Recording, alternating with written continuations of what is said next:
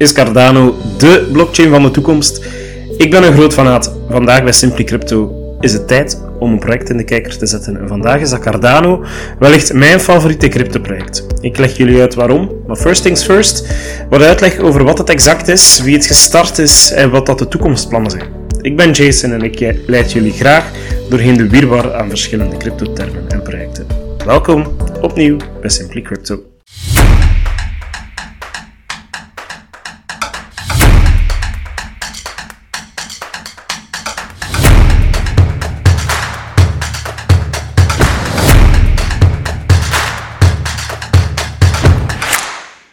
Ah, Cardano.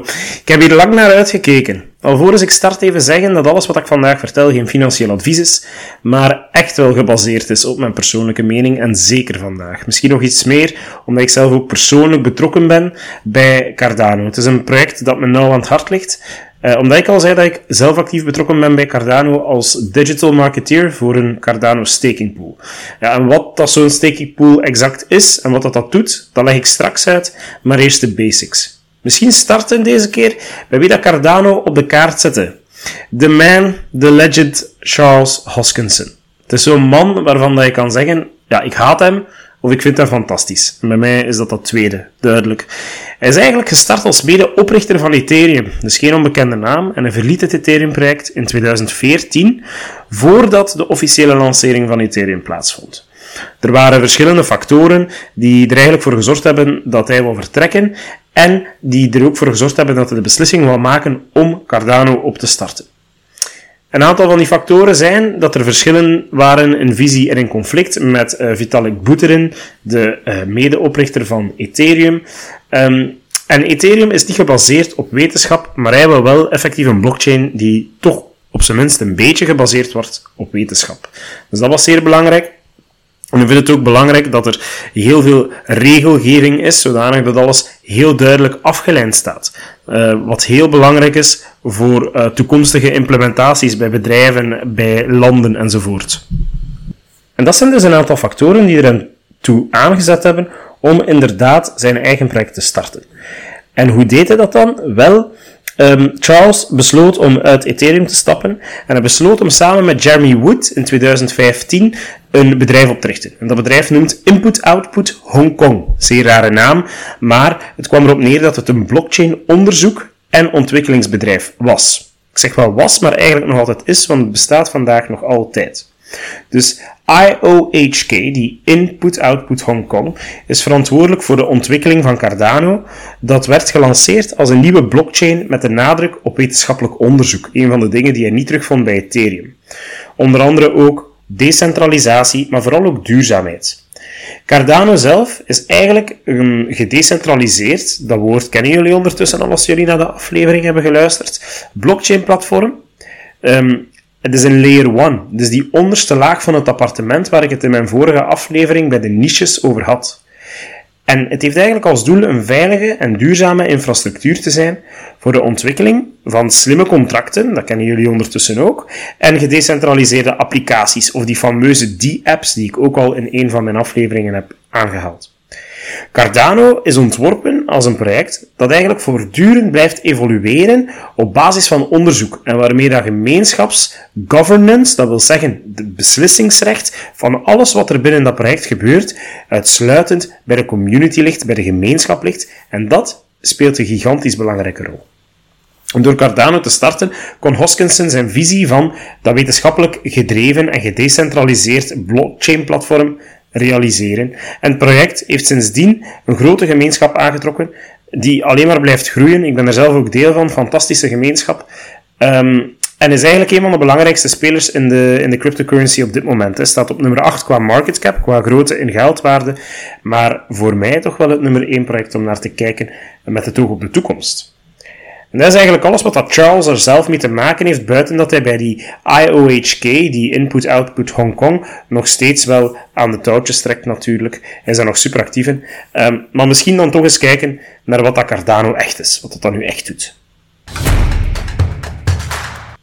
Cardano maakt, even iets technischer, gebruik van twee lagen. Ik heb het wel over een layer 1, dus die onderste laag in een appartementsgebouw, de vloer waarop alles gebouwd wordt in crypto.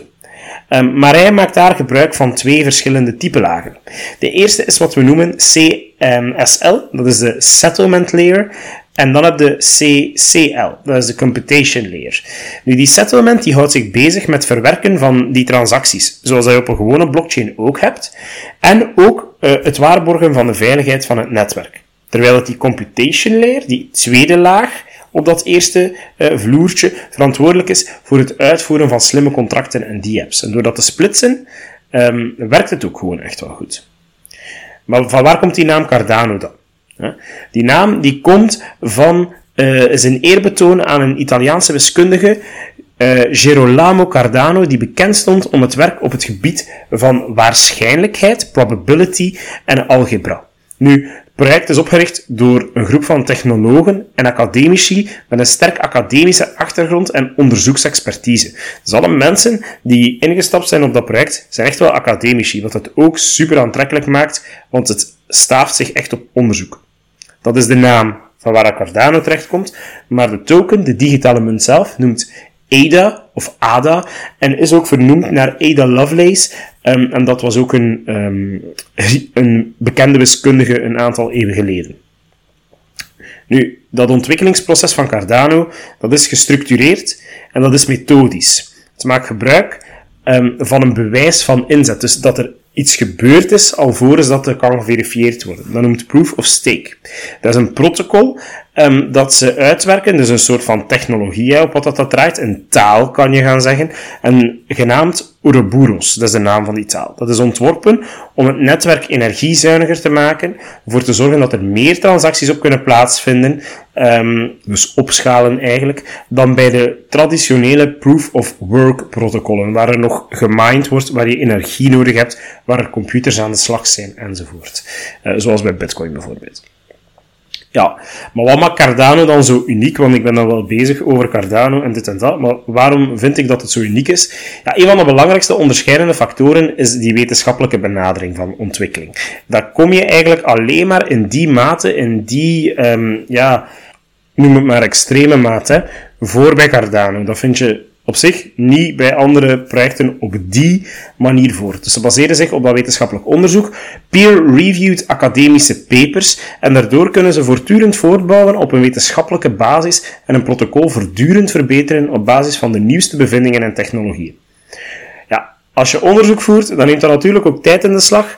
En dan gaat die ontwikkeling van Cardano ook een stuk trager dan bij andere blockchains zoals Ethereum. En op die trage ontwikkeling komt er ongelooflijk veel commentaar van mensen die dan niet geloven in Cardano. Ze zeggen ja, Cardano werkt niet, het gaat veel te traag, Um, Ethereum staat al zoveel verder, dus iedereen gaat op Ethereum zitten. Maar ja, wat heb je liever? Een huis dat er snel staat en volgend jaar in elkaar zakt wegens veiligheidsproblematieken, uh, wegens problemen met schaalbaarheid, dus het feit dat er te veel transacties op plaatsvinden en dat dat niet kan verwerkt worden door de computers. Of heb je liever een huis met een grondige fundering waar je de komende 100 jaar kan wonen. Maar bon, dat terzijde. Hè. Dus die commentaar die is daar zeker en vast vanuit de markt.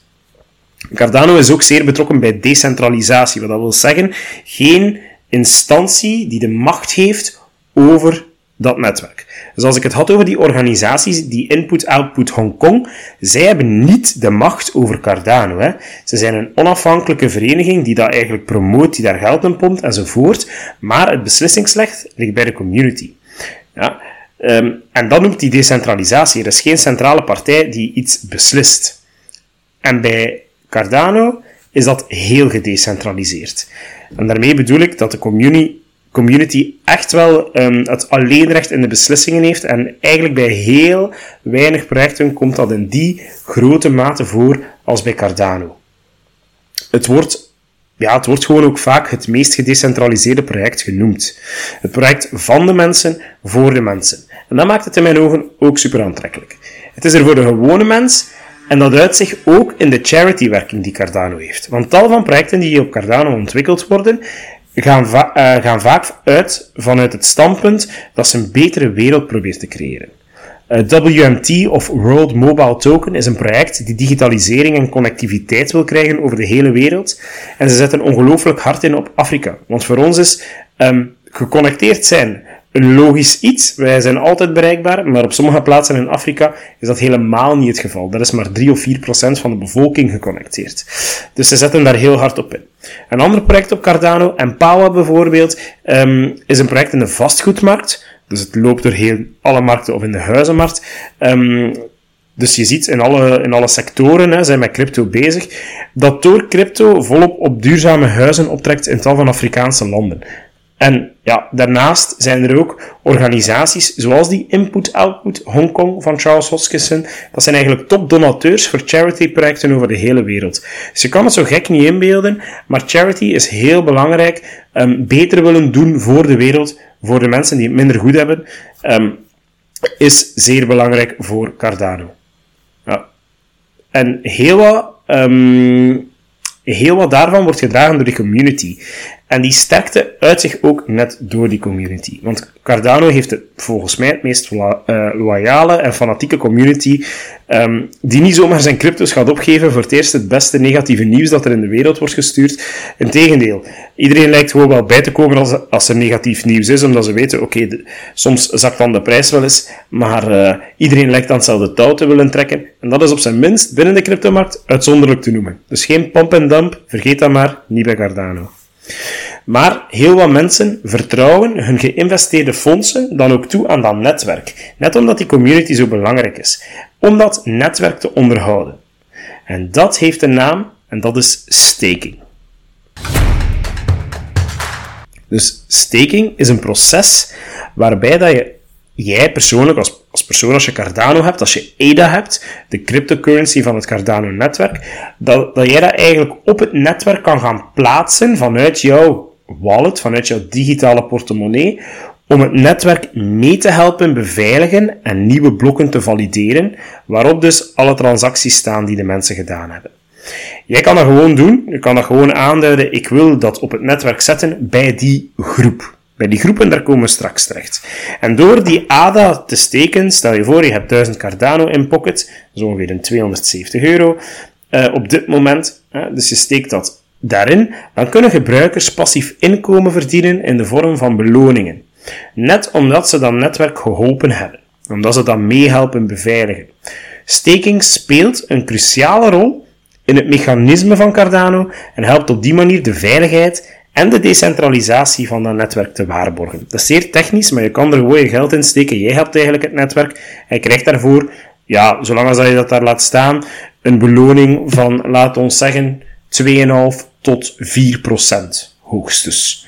Um, en dat is voor mij eigenlijk de grootste plus. Er is geen project die zoveel actieve, werkende staking pools, dat zijn groepen waarbij dat je dat kan gaan zetten, heeft um, die in totaal miljoenen Cardano hebben vergaard om dat netwerk te onderhouden.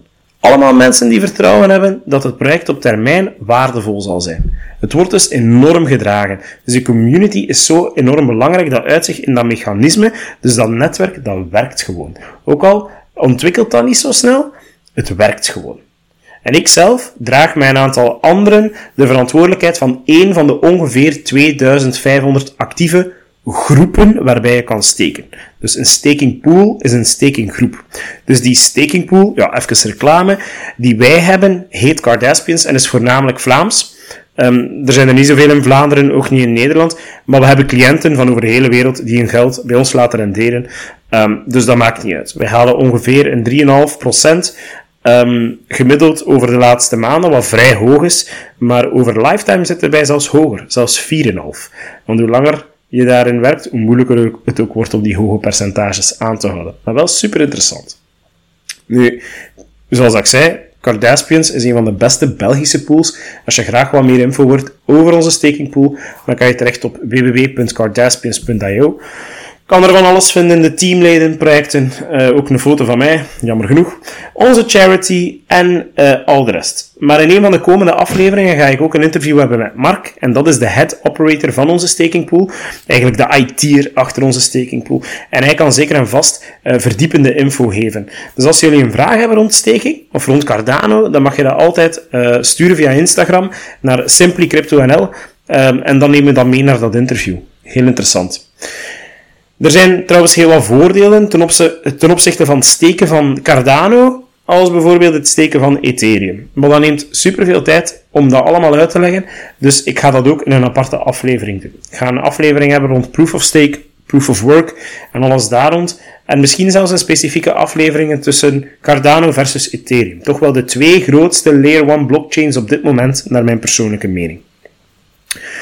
Cardano heeft trouwens super ambitieuze lange termijnsplannen die gericht zijn op het creëren van een duurzame, schaalbare en gedecentraliseerd blockchain-ecosysteem.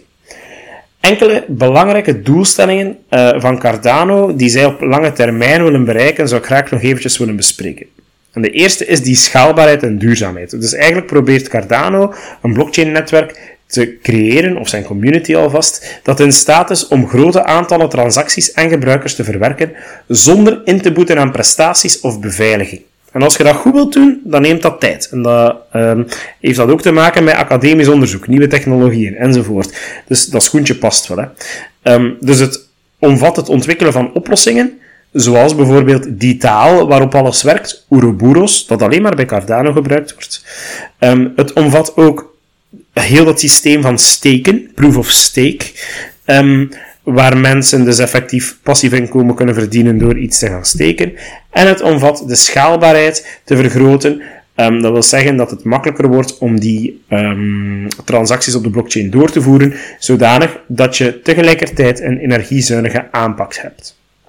De tweede, waar ze heel hard op willen inzetten, is interoperabiliteit. We hebben dat de vorige keer ook al besproken en dat wil eigenlijk zeggen um, het samenwerken tussen verschillende blockchains. Dus als je van Ethereum iets naar Cardano wilt verzenden, dat je dat kan. Als je van Cardano iets naar Solana wil verzenden, dat dat ook kan. Ja? Um, wat betekent ja, dat de taal die Cardano implementeert, Ouroboros, dat dat ook in staat moet zijn om te kunnen gaan babbelen met allemaal die andere talen. Het heeft dus een focus, laat ons zeggen, um, op het uitwisselen van gegevens, activa en functionaliteit tussen die verschillende blockchains. En ze willen dat doen vergemakkelijken en nieuwe mogelijkheden creëren voor gedecentraliseerde applicaties. Dus projecten die op Cardano gebouwd worden, dat die voor een breder publiek toegankelijk worden door verschillende blockchains aan te spreken. Een derde is slimme contracten en die apps. Cardano wil een platform waarop ontwikkelaars complexe, slimme contracten en die apps kunnen bouwen. Ja, en daar knelt dat schoentje met heel veel mensen buiten crypto die zeggen, ja, maar dat werkt nog allemaal niet. Nee, tuurlijk niet, omdat daar aan de basis heel hard en heel goed gebouwd wordt. Zodanig dat er geen bugs in zitten, um, minder kwetsbaarheden in zitten. En op termijn gaat dat gewoon zorgen dat dat een robuust, stevig project is. Waardoor dat mensen zeker en vast zullen investeren in Cardano. Ze willen die decentralisatie ook, die governance, die ultieme decentralisatie, wat betekent power to the people. Elk persoon heeft stemrecht. Laat het ons zeggen, een um, unieke vorm van democratie binnen een bedrijf, waar niet top-down door de CEO van alles beslist wordt, maar waar de gemeenschap uitsluitend beslist, noem het een referendum constant over nieuwe mogelijke ontwikkelingen die daar gebeuren. Dus eh, alles wat aangepast wordt binnen Cardano, is gedragen door de gemeenschap, omdat zij dat er doorgehaald hebben, doorgestemd hebben of niet. Een vijfde is inclusie en onderwijs. Cardano heeft ook een heel groot sociaal element in zijn lange termijnsvisie. Namelijk het streeft naar het bieden van financiële diensten aan bevolkingsgroepen die momenteel geen toegang hebben tot bijvoorbeeld het uh, traditionele financiële systeem. En dat zijn dan heel vaak uh, ontwikkelingslanden die daar geen toegang tot hebben. Hè. Um, ze willen eigenlijk overgaan naar een systeem waarin dat belangrijke beslissingen democratisch kunnen genomen worden, hè, zoals ik daar straks gezegd heb, um, ook in die landen, waar momenteel nog heel veel, laten we maar zeggen, dictaturen uh, en, en coups zijn, uh, ook weer uh, brandend actueel op dit moment. Um, dus op die manier wordt dat wel heel belangrijk. Er zijn ook heel wat bevolkingsgroepen die geen toegang hebben tot ja, de banken enzovoort, zoals ik daar straks zei. En het is ook de bedoeling om heel hard te gaan investeren in onderwijs en opleidingsinitiatieven om kennis over blockchain en cryptocurrencies te gaan verspreiden. Ook zeer belangrijk. Daar zitten ze ook op in. Om mensen, net als wat ik nu aan het doen ben, inzetten op, um, ja, via mijn podcast, om jullie iets bij te leren over crypto, dat willen zij ook gaan doen, maar dan wel op globale schaal. Onderzoek en ontwikkeling blijft belangrijk. Alles wordt gestaafd door onderzoek op wetenschappelijke benadering van blockchain-ontwikkeling en het streeft er eigenlijk voortdurend naar om innovatie te integreren in zijn protocollen um, en in zijn technologieën. Met als doel om het netwerk zo veilig mogelijk, zo efficiënt mogelijk en ook makkelijker aanpasbaar te maken als er toch nieuwe technologieën zouden zijn. Dus over het algemeen kan je stellen dat Cardano een duurzaam, evoluerend blockchain-platform wil bieden dat verschillende sectoren en gemeenschap wereldwijd, volgens mij dan toch, wel ten goede komt. Um, terwijl dat project eigenlijk verder werkt, zal het interessant zijn om te zien hoe goed dat, dat daarin slaagt, in dat realiseren. Want de doelen die hiervoor opgesteld worden, um, zijn op zijn minst heel ambitieus. Hè? En hoe het zich verhoudt tegenover ja, andere blockchains, zoals Ethereum, gaan zij daar ook naartoe, een Solana of niet. Um, dus dat is afwachten. Een hele boterham. Maar als je alles naast elkaar legt, hoop ik dat jullie ook kunnen vaststellen dat het project niet uh, zomaar eentje is dat zal weglopen of die zal afbreken. Om af te sluiten nog even de prijsactie van EDA, of de munt van Cardano dan, hè, EDA. Er zijn in totaal zo'n 10 biljoen Cardano beschikbaar. De huidige prijs ligt laag als gevolg van de bear market, rond de 27 eurocent op het moment van publicatie van deze aflevering. En de vorige all-time high van Cardano werd afgetekend op 2 september 21, ongeveer een twee jaar geleden, met een hoogtepunt van 2,83 euro. Dat is maal 10. Dus dat is toch wel wat. En ondertussen, ook al is er prijszakking geweest van op dat punt tot waar we nu zitten, is er heel veel opwaarts potentieel nog vanaf die all-time high. Als je bekijkt dat de Cardano community, de ontwikkelaars enzovoort, dat die niet hebben stilgezeten. Voor mij persoonlijk is Cardano een no-brainer, maar ik laat dat vooral aan jullie ook over om jullie eigen beslissingen te maken. En laat jullie niet beïnvloeden door mij. Doe vooral je eigen onderzoek en maak dan een weloverwogen beslissing alvorens dat je investeert in Cardano. Um, maar dat is het zo. En dat is ook eigenlijk alles wat ik heb voor jullie vandaag. Uh, merci voor het luisteren en tot de volgende Simply Crypto.